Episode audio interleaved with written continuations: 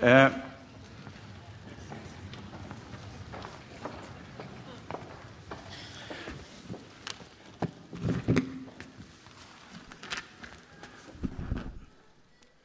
jeg, jeg, ønsker å ta utgangspunkt i en, i en historie som vi finner i, i Markus kapittel 2.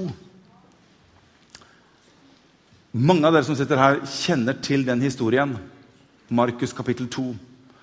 Den historien handler om fire mennesker som bærer en lam mann på en seng til Jesus.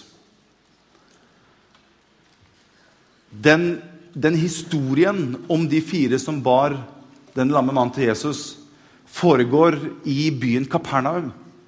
Jeg har bare lyst til å si litt om, om byen Kapernaum og Jesus. Fordi at Jesus ble født i Betlehem, han vokste opp i Nasaret. Og så virker det som om at Jesus flytter sin virksomhet til Kapernaum. Og Kapernaum blir på en måte basen. Kapernaum blir hovedsenteret der Jesus har sin på en måte offentlige tjeneste ut ifra. Så Jesus har et helt spesielt forhold til denne byen Kapernaum. Kapernaum det er den byen hvor Jesus kanskje gjorde de sterkeste tegn og under i sin tid.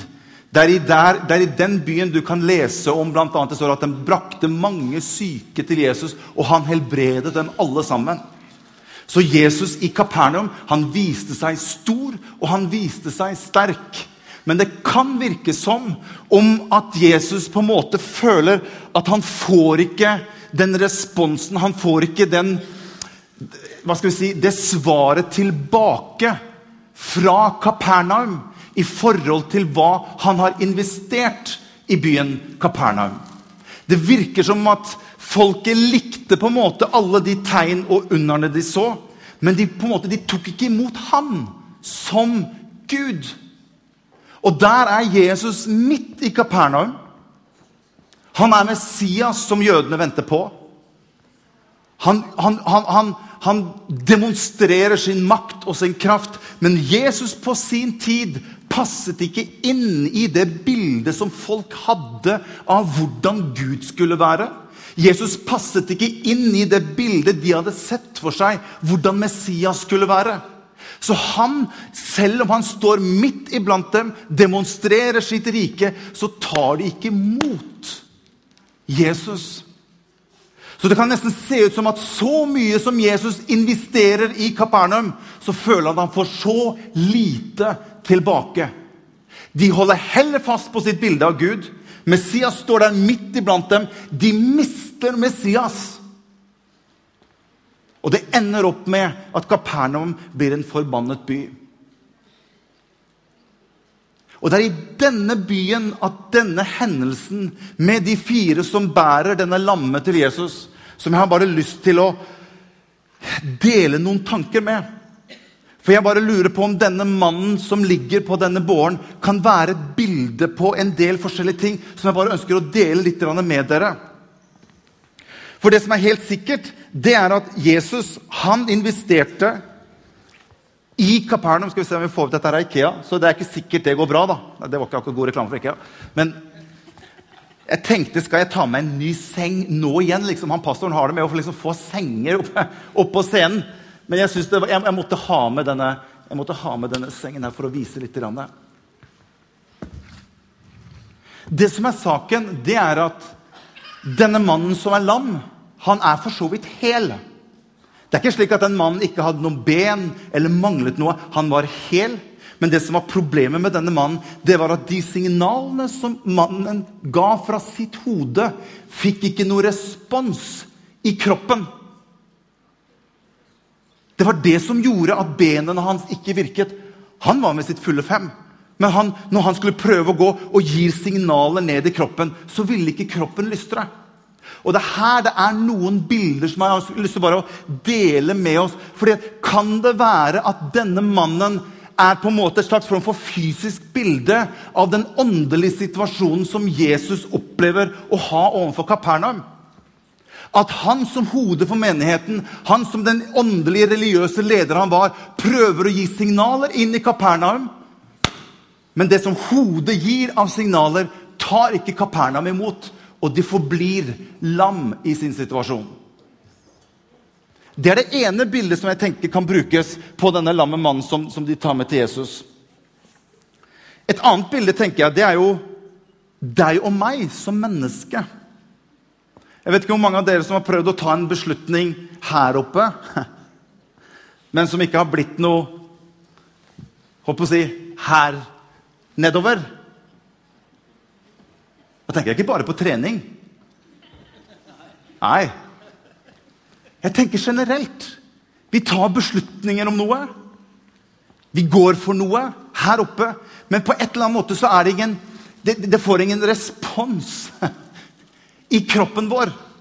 Og hør Kan det være at vi som mennesker, i stedet for at vi tar tak i de tingene som er utfordrende for oss At istedenfor å konfrontere tingenes tilstand, som kan være utfordrende i livene våre, så bygger vi på en måte substitutter.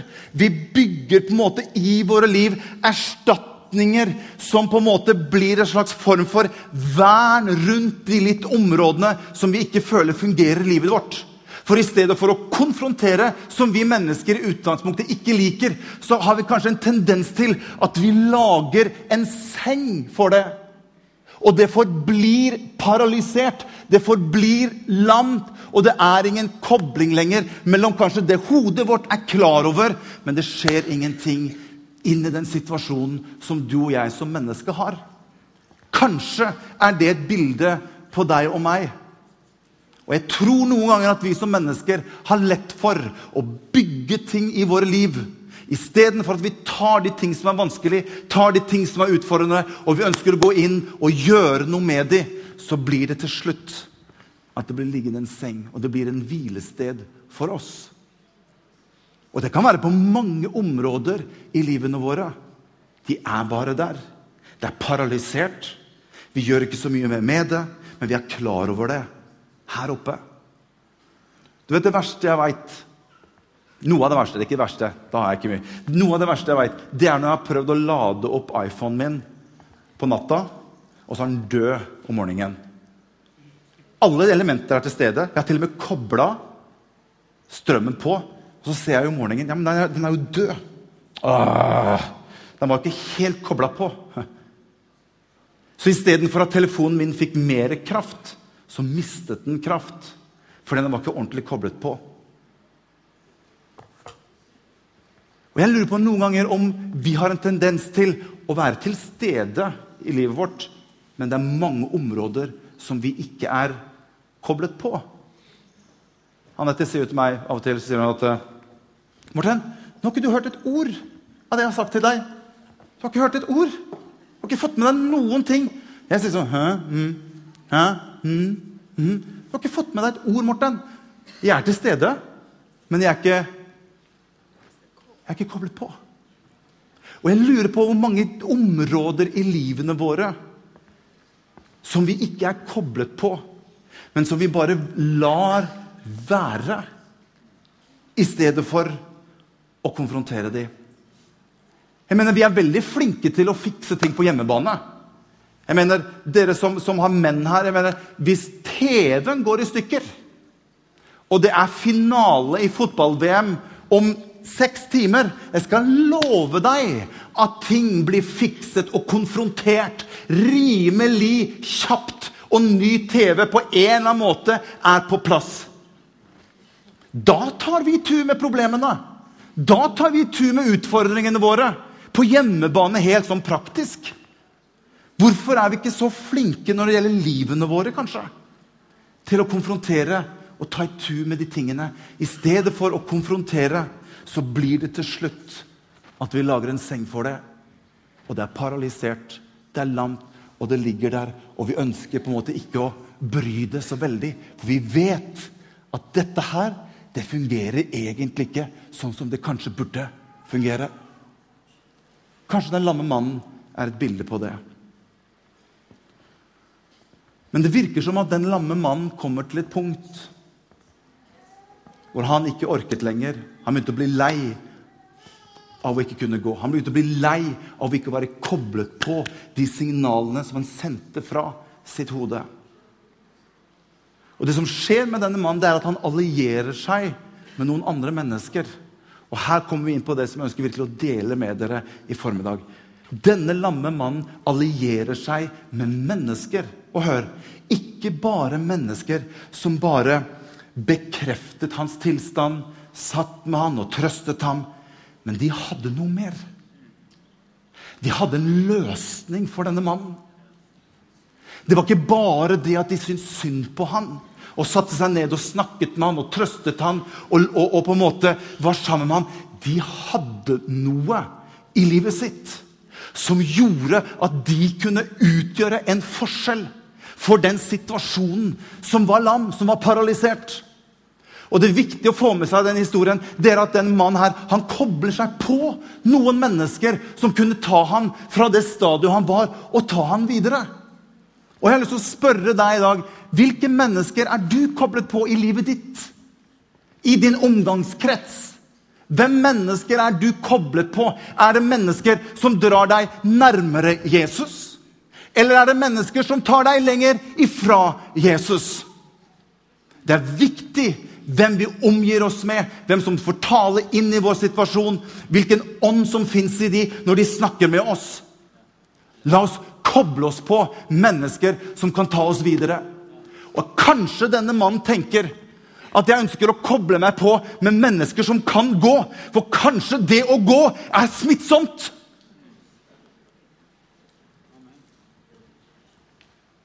Hvis jeg ikke er den skarpeste Det er noen som har sagt at Morten, du er ikke den skarpeste kniven i skuffen. Ok. Hvis ikke jeg er den skarpeste kniven i skuffen, så ønsker jeg i hvert fall å koble meg på mennesker som er enda skarpere enn meg. Som kan ta meg videre, som kan inspirere meg, som kan løfte meg opp. Det er nøye med hvem du omgår deg med. Det er nøye med hvem du kobler deg sammen med, som er mennesker som tar deg nærmere Jesus. Og Det er derfor jeg ønsker bare å bytte litt rolle. For her kommer vi inn i det som vi ikke må være. For det kan ikke være slik at dette bildet med denne lamme mannen på båren at det er et bilde på menigheten. Vi må ikke være den lamme mann som ligger på båren og ikke tar imot de signalene som Jesus, som er hodet for menigheten, ønsker å gi oss. Men vi er paralysert. Vi bygger bare ting rundt. Vi verner om det. Vi vet egentlig litt status. Vi ser liksom litt hvordan det går, men vi er ikke villige og vi er ikke ærlige til å se på tingene. Og så blir tingene paralysert. Vi skal ikke være mannen som ligger på båren. Vi skal være de fire menneskene som bærer denne mannen til Jesus. Det er det som er menighetens oppdrag. Det er det vi er kalt til. Og disse fire tar tak i den lamme gutten. Og de hadde bestemt seg for Vi har noe som vi ønsker å meddele til deg. Og Det er som Peter når han står ute på tempelplassen og ser på denne lamme mannen. Så sier han, 'Sølv eller gull, det har jeg ikke. Men det jeg har, det vil jeg gi deg.' I Jesu Kristi av Nasarets navn, stå opp og gå! Straks fikk han styrke i benene sine. Han reiste seg opp og han løp rundt, står det. Det var en av favorittversene mine når jeg drev og underviste om lovsang og tilbedelse. Det går an å løpe rundt og prise Gud. Det står han løp mens han priser Gud. Fantastisk! Det jeg har, vil jeg gi deg. Og det er det som er kallet til oss som menighet. De bestemte seg for vi fire vi ønsker å ta denne lamme mannen med til Jesus. Og det er oss som menighet. Det er sånn vi skal fungere. Det er kallet vårt som menighet her i Sandvika. Det er at vi skal være med og føre mennesker som har det vanskelig. Føre mennesker som har områder i livet sitt som synes er utfordrende. Ta dem med til Jesus. Og de begynner å bære ham. Og det gikk jo for så vidt greit, helt til de begynte å nærme seg det stedet hvor Jesus var. Da skjønte de at her er det en utfordring. Det er jo smekkfullt med folk her. De møtte motstand. Og så kommer poenget. Hva gjør de fire for noe? De fire bestemte seg for at selv om vi møter noen hindringer på veien vår, så lar vi ikke hindringer stoppe oss. For vi vil se et mirakel. Det hadde vært veldig lett for disse fire å komme til den første utfordringen at her er det veldig mye mennesker. Vi vil ikke komme inn døren såpass. Og Det kan nesten virke som at når jeg leser dette, her, som at dette her er hjemme hos Jesus. For det står han kom til Kaperna. Han kom hjem, står det. Så det kan virke som at dette her er hjemme hos Jesus, og folk hadde begynt å stimle seg på. Og folk trykte seg på. Det var smekkfullt inn i stua til Jesus. Og ut døren, og masse mennesker på utsiden. Her kommer de fire med den lamme mannen som de ønsket å få til Jesus. Og så møter de en motstand. Og hør, jeg tror du og jeg noen ganger defineres ut ifra hva som skjer med oss når vi møter litt motstand. Hva gjør vi for noe? Trekker vi oss bare tilbake? Hvis de fire hadde trukket seg tilbake, hva hadde skjedd med den lamme mannen? Han hadde fortsatt blitt lam. Men de fire gutta så på hverandre. Jeg tror kanskje det var fire jenter. jeg vet ikke, det kan godt være, jeg ønsker å si at Det spiller ingen rolle hvem det var fire gutter eller fire jenter. De hadde bestemt seg, og de er et bilde på menigheten. De hadde bestemt seg, Vi ønsker å presentere Jesus for denne her. Vi er sikre på kan vi få denne lamme mannen til Jesus. Så vil han fikse opp i det. Og de møtte veggen. Bokstavelig talt møtte veggen. Men i stedet for å se ned, så begynte de gutta å se opp. Dere Taket. Det er ingen på taket til Jesus. Vi får han opp. Og de går i gang, de fire gutta. Og jeg, jeg tenkte på det. Hvordan fikk de, en ting er at hvordan de fikk han ned fra taket. Det er for så vidt greit. Jeg har sett mye bilder av dem brakk opp litt, og de ødela jo taket til Jesus. for så vidt, men, men hvordan kom de seg opp med en lam mann på en båre? Det er ikke sikkert det så så pent ut.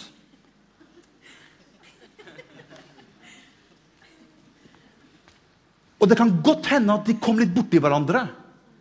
Det kan godt hende at de skubbet litt borti hverandre, de fire. At de kanskje blir litt småirritert. 'Nå må du holde der, da! Ikke slipp, da!' Se for deg den kommunikasjonen, se for deg det samarbeidet. Men de hadde et mål. De hadde en visjon, de hadde et ønske der framme. Vi vil føre denne mannen til Jesus. Koste hva det koste vil. Vi har bestemt oss. Returnere er inget alternativ. Vi går for et mirakel.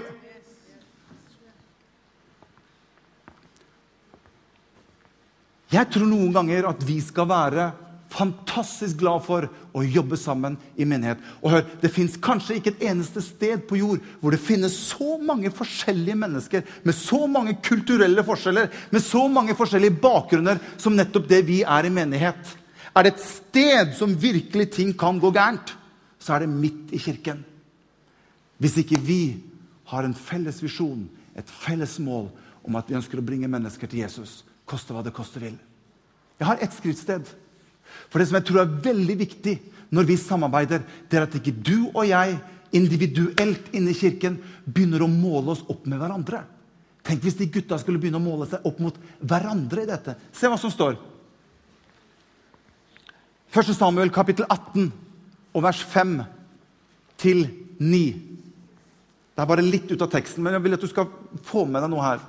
Så dro David ut overalt hvor Saul sendte han, og han gikk klokt fram.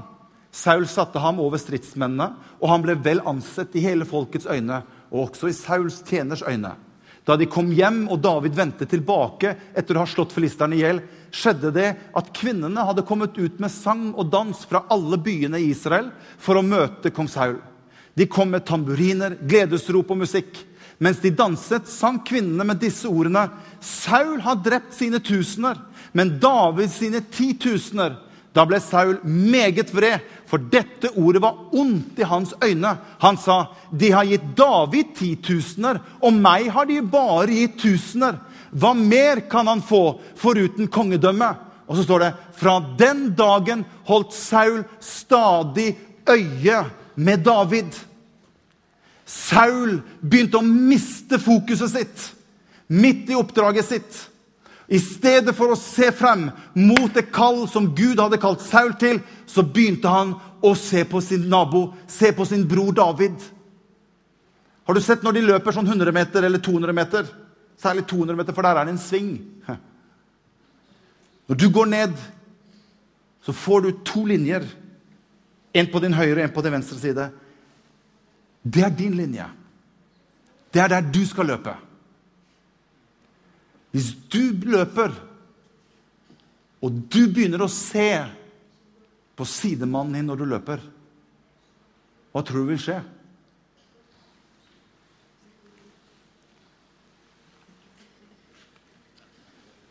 Bam! Du kommer til å krasje selv. Gud har gitt deg kall. Gud har gitt deg et kall. Gud har gitt deg et kall. Gud har gitt oss alle et oppdrag. Vi må ikke bli opptatt med hverandre. At vi blir hverandres konkurrenter. De fire hadde aldri fått denne mannen til Jesus hvis de begynte å bli internt konkurrenter. Men det var målet deres som var det viktigste. Vi skal få denne lamme mannen til Jesus. Og de får han opp. Halleluja. Jeg vet ikke hvordan. De lager hull i, Jesus, i taket til Jesus. Og da har de gjort sitt. Jeg syns det er fantastisk at når de kom til det punktet hvor de sa nå har vi gjort det som vi greier å gjøre, vi får ikke gjort mer, så begynte de å fire, fire denne mannen.